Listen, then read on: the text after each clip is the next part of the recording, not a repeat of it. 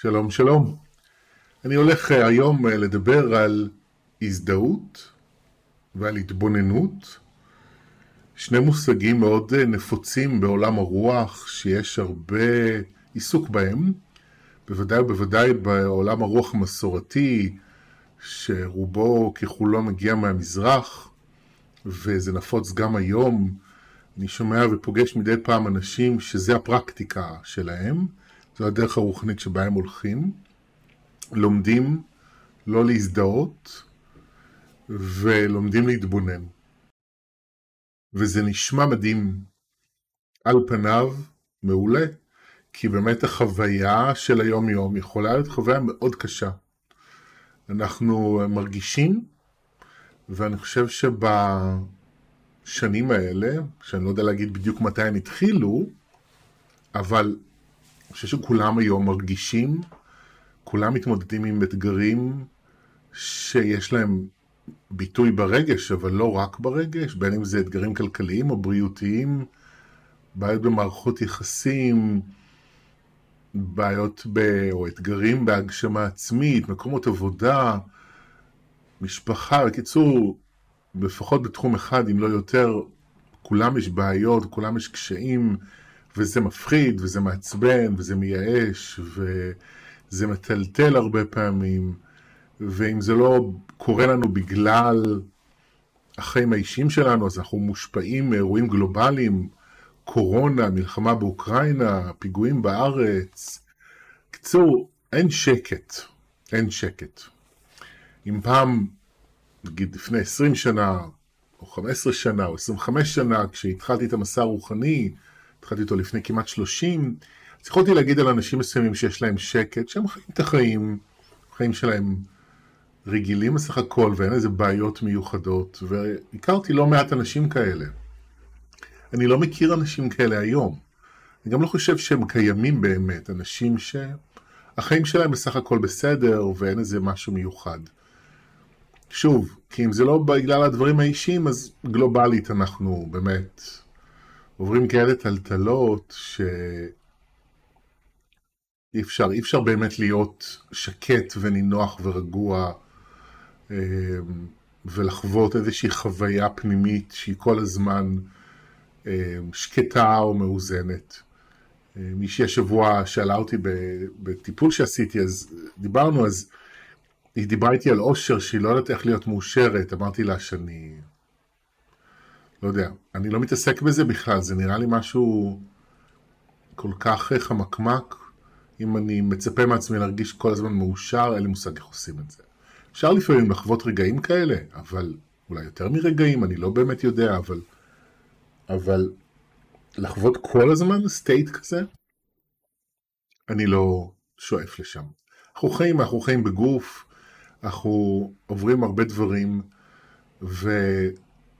כדאי גם להודות בזה, החיים הם מסובכים, הם אה, כואבים, הם עצובים, הם גם משמחים וגם מרגשים, יש בהם הכל מן הכל.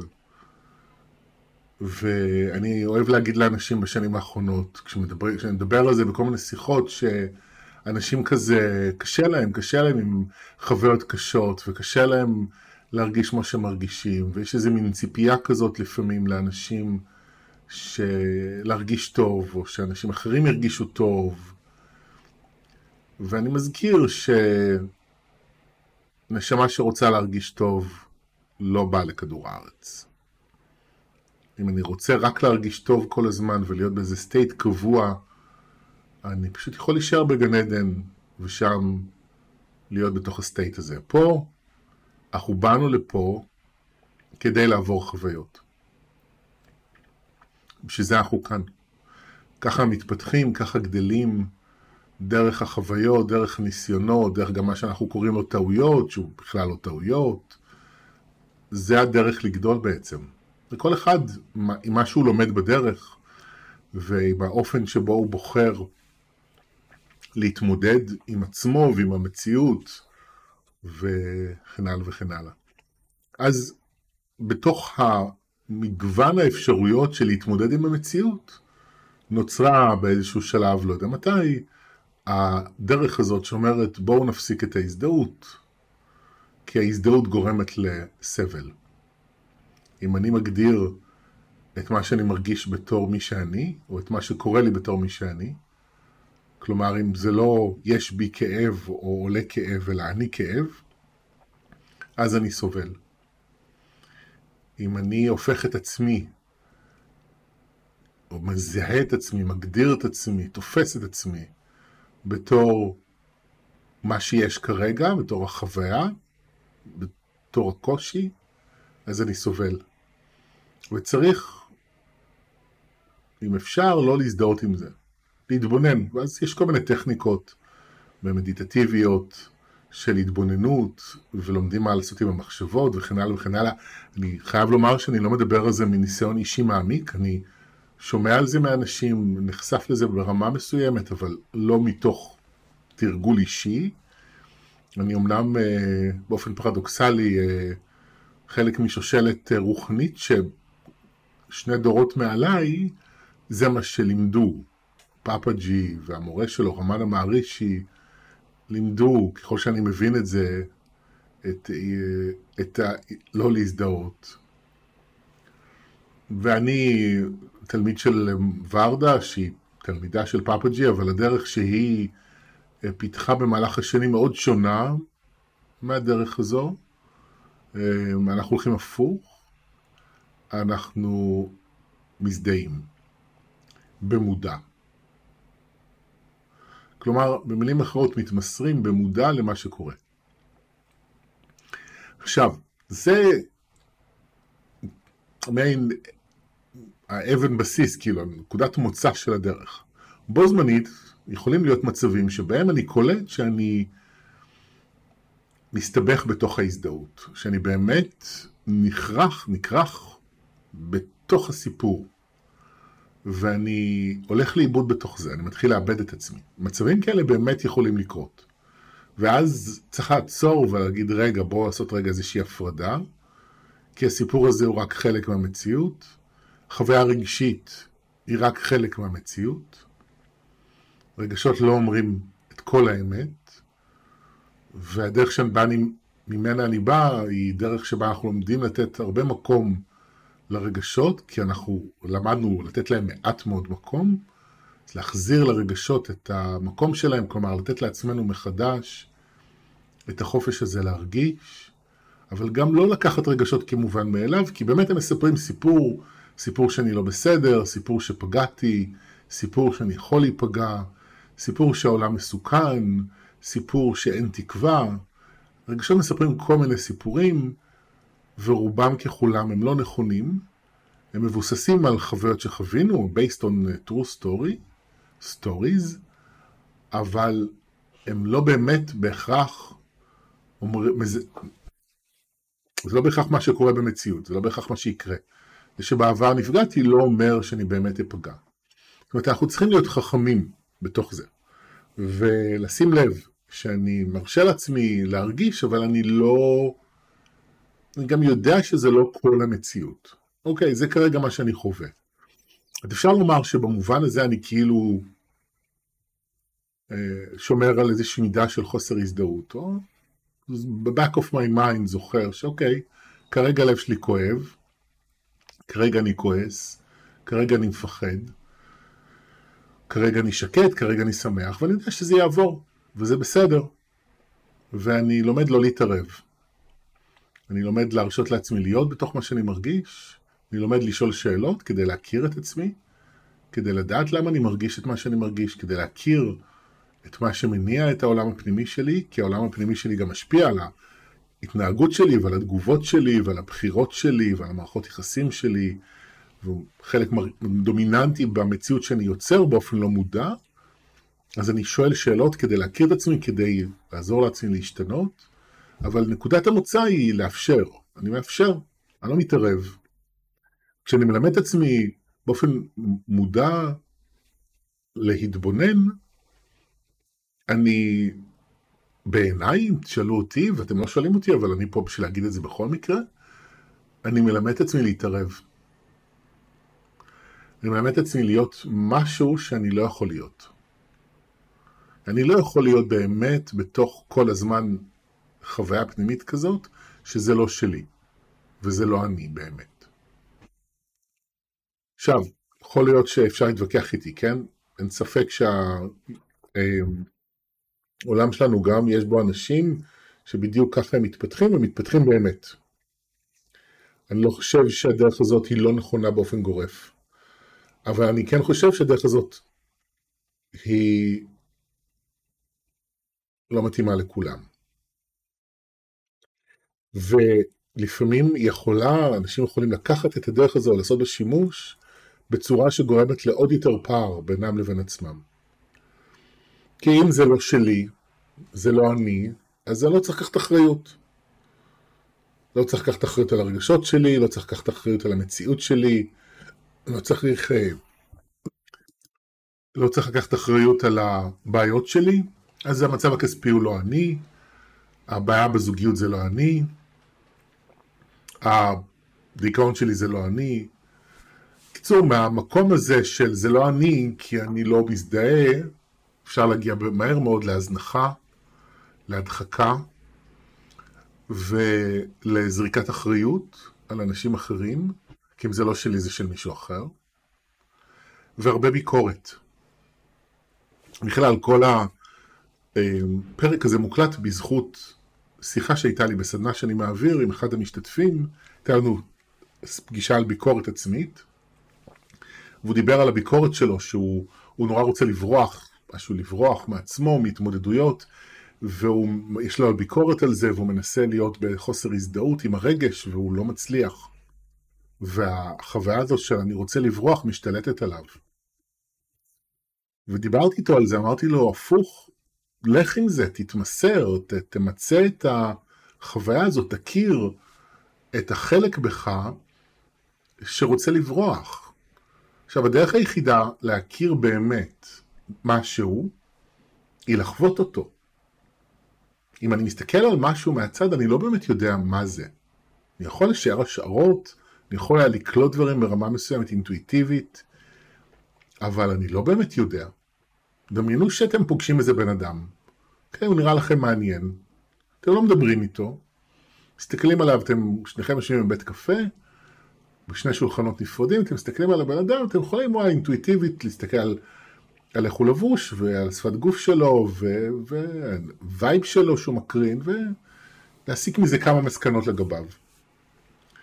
אבל אם אתם באמת רוצים להכיר את הבן אדם, אתם צריכים לשבת על אותו שולחן ולדבר ולהיפתח ולהתקרב.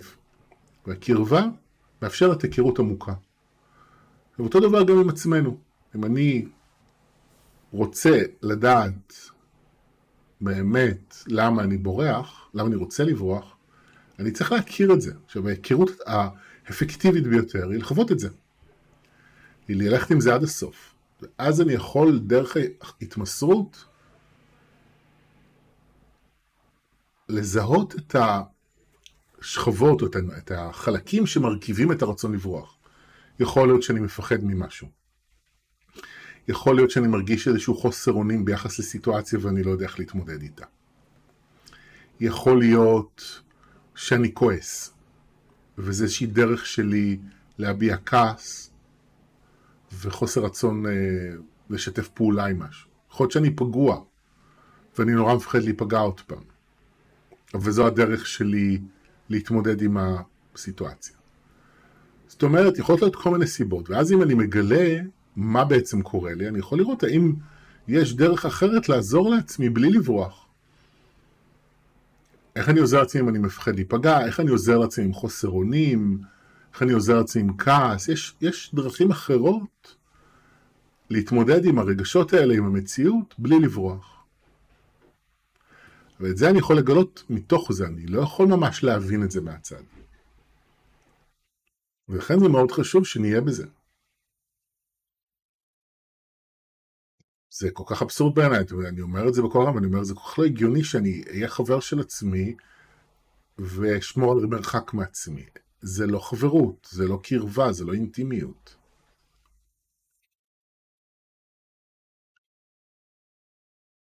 עכשיו אני אספר לכם את מה שסיפרתי לאותו בחור בשיחה בסדנה על הספר שנקרא חוצן 101.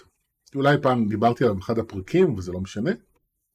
ספר מתוקשר שיצא לאור לפני הרבה שנים, אני קראתי אותו לפני בערך 25 שנה.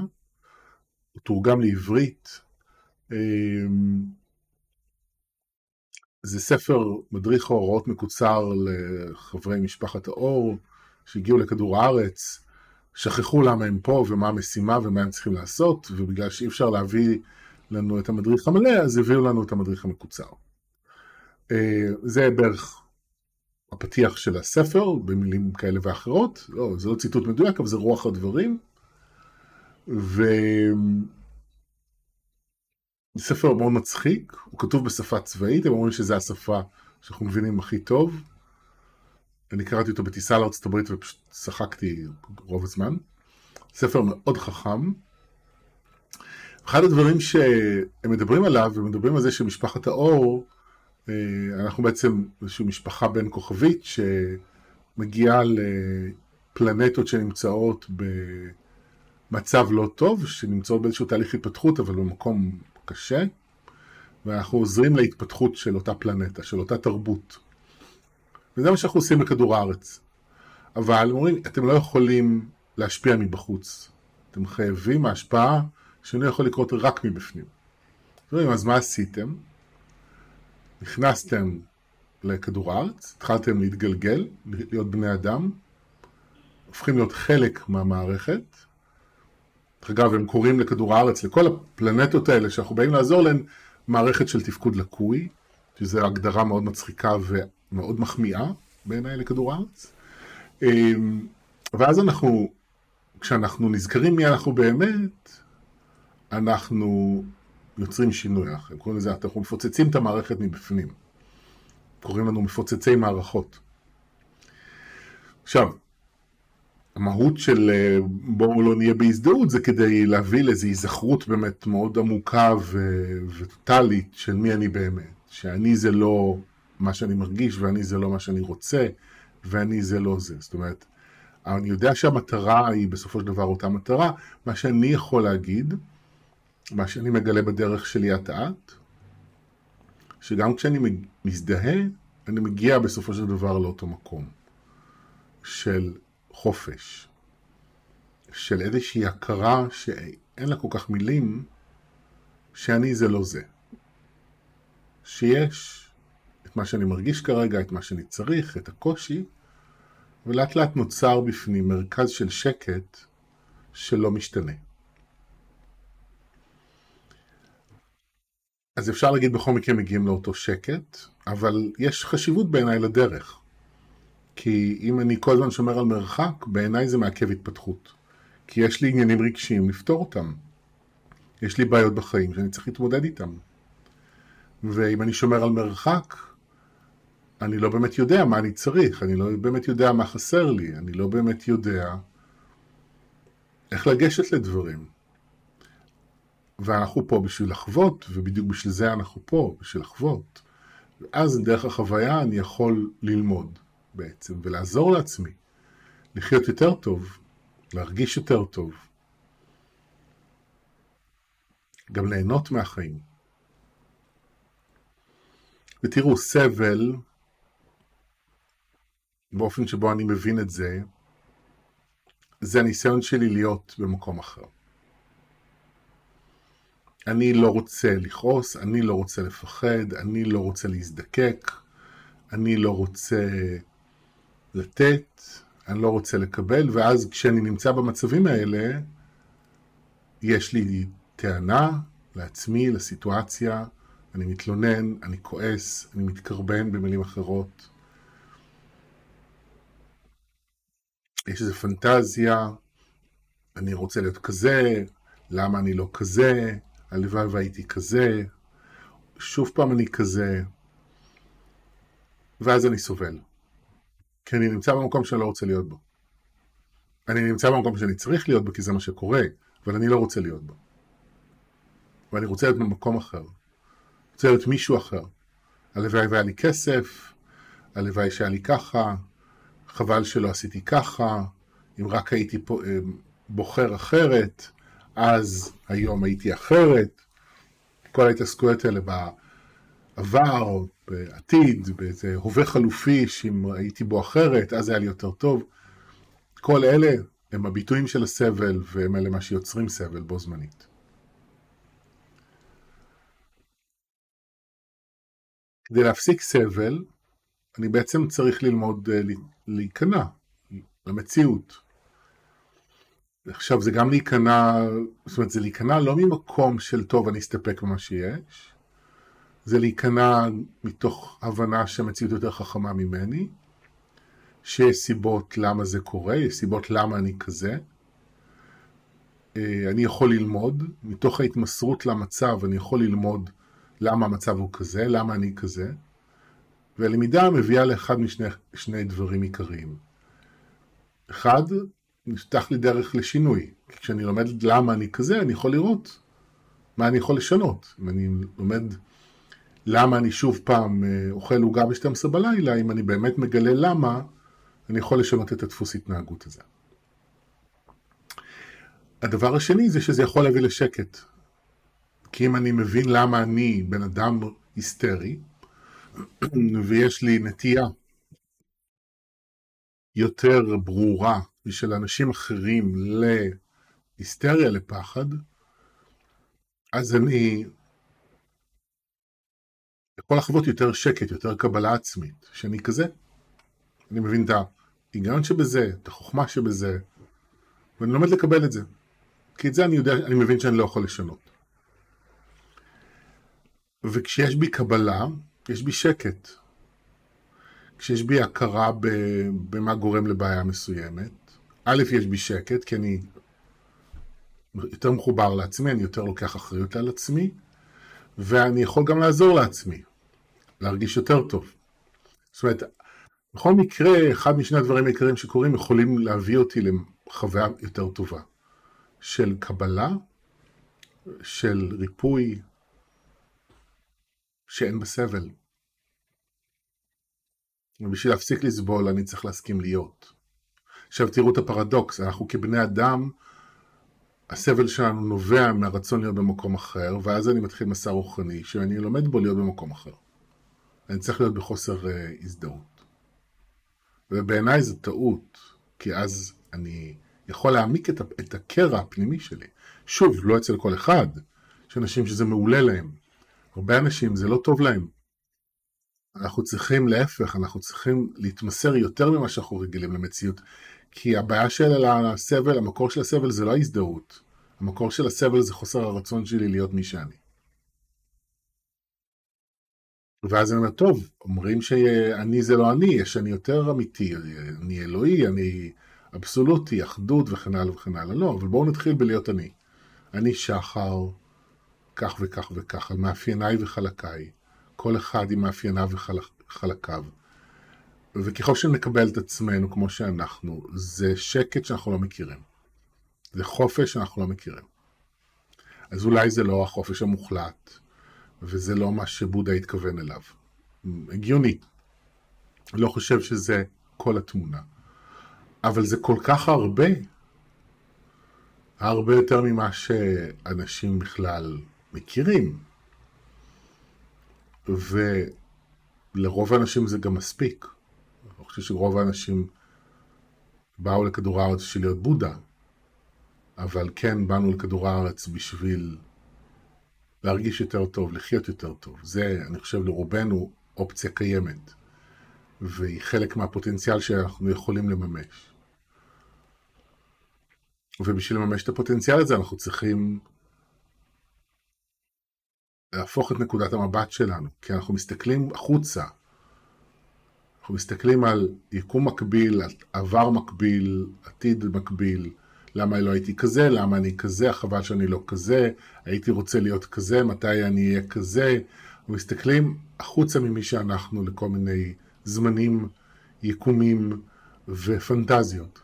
ואנחנו צריכים להחזיר את נקודת המבט למי שאנחנו עכשיו, לכאן ועכשיו. ולהתחיל להגיד, אוקיי, שלום שחר, אני רוצה להכיר אותך. ואז אם מי שאני כרגע זה רוצה לברוח, אוקיי? אז בואו נגלה למה אני רוצה לברוח. כשדיברתי על זה עם הבחור, אמרתי לו, לך עם זה, תכתוב ממש, תכתוב לפרטי פרטים לאן אתה רוצה לברוח.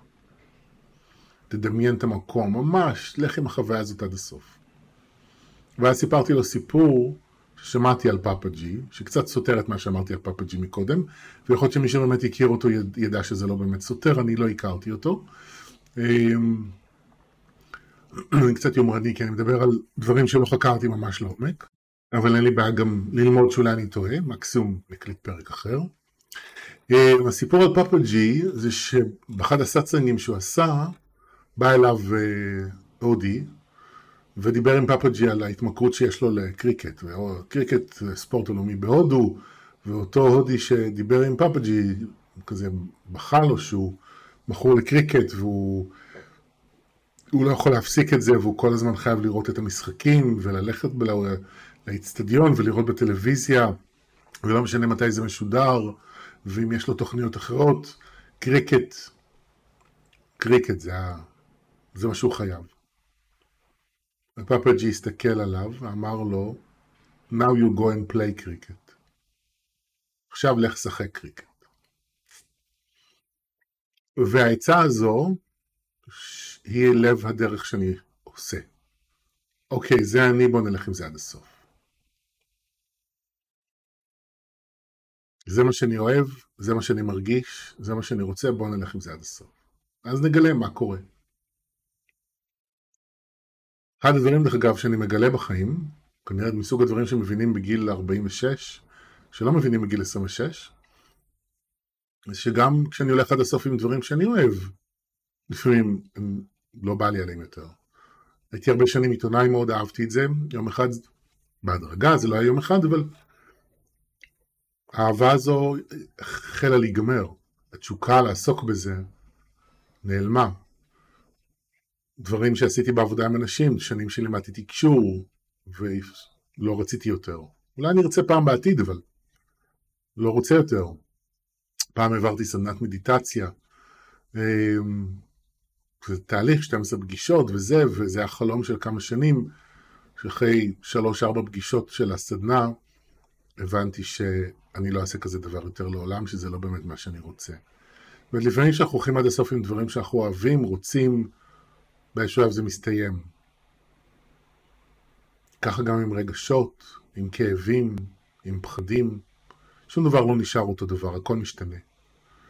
אז הבן זוג שלי פעם אמר, שי אמר פעם כזה בציניות, ששום דבר בחיים לא משתנה. אה, סליחה, הפוך. שום דבר בחיים לא נשאר אותו דבר. או שזה נהיה יותר טוב או יותר גרוע. זה הגרסה הפסימית סלש ריאלית, אני אומר, שום דבר באמת לא נש... אה, נשאר אותו דבר. אמרתי מקודם, נראה לי ששום דבר לא משתנה. התכוונתי לזה ששום דבר לא נשאר אותו דבר, הכל משתנה, אה, לכאן או לכאן. אנחנו פחות צריכים לפחד מעצמנו, כי האופציה של להיתקע, לא אומר שהיא לא קיימת, זה יכול לקרות. כמו שאמרתי בהתחלה, אפשר להסתבך בתוך הסיפור, וזה כדאי לעשות דרך רוחנית. עם ליווי, לא לבד. אנחנו לא יכולים ללמד את עצמנו משהו שאנחנו לא יודעים בעצמנו. אנחנו צריכים עזרה בדרך, כדי בדיוק שמישהו יעזור לנו ויראה איפה אנחנו מסתבכים. אבל גם בו זמנית אני אומר, תרשו לעצמכם, לכו עד הסוף, תגלו איך החיים משתנים כשלא מפריעים להם, שלא מתערבים, אלא מסכימים, מסכימים להתמסר. זהו, זה הפרק הזה. המתנה של ההתמסרות, הבעיה של ההתבוננות, וכאמור, שום דבר הוא לא שחור לבן, כמו שהבנתם, יכולה להיות מתנה גם בהתבוננות, ויש לפעמים בעיה בהתמסרות, אבל באופן כללי אני אומר, אנחנו פה בשביל לחוות, אז בואו נחווה. בשביל זה באנו לכדור הארץ. אז בואו נמצה את זה, בואו נלך עם זה עד הסוף, ונגלה דרך זה דברים מאוד מעניינים, וגם נחווה חוויות מאוד uh, טובות ומעניינות. זהו, דברו אליי, ספרו לי אם יש לכם תגובות, אני אשמח לשמוע אתכם, מקווה שהמילים שלי יעזרו. תודה רבה, ביי בינתיים.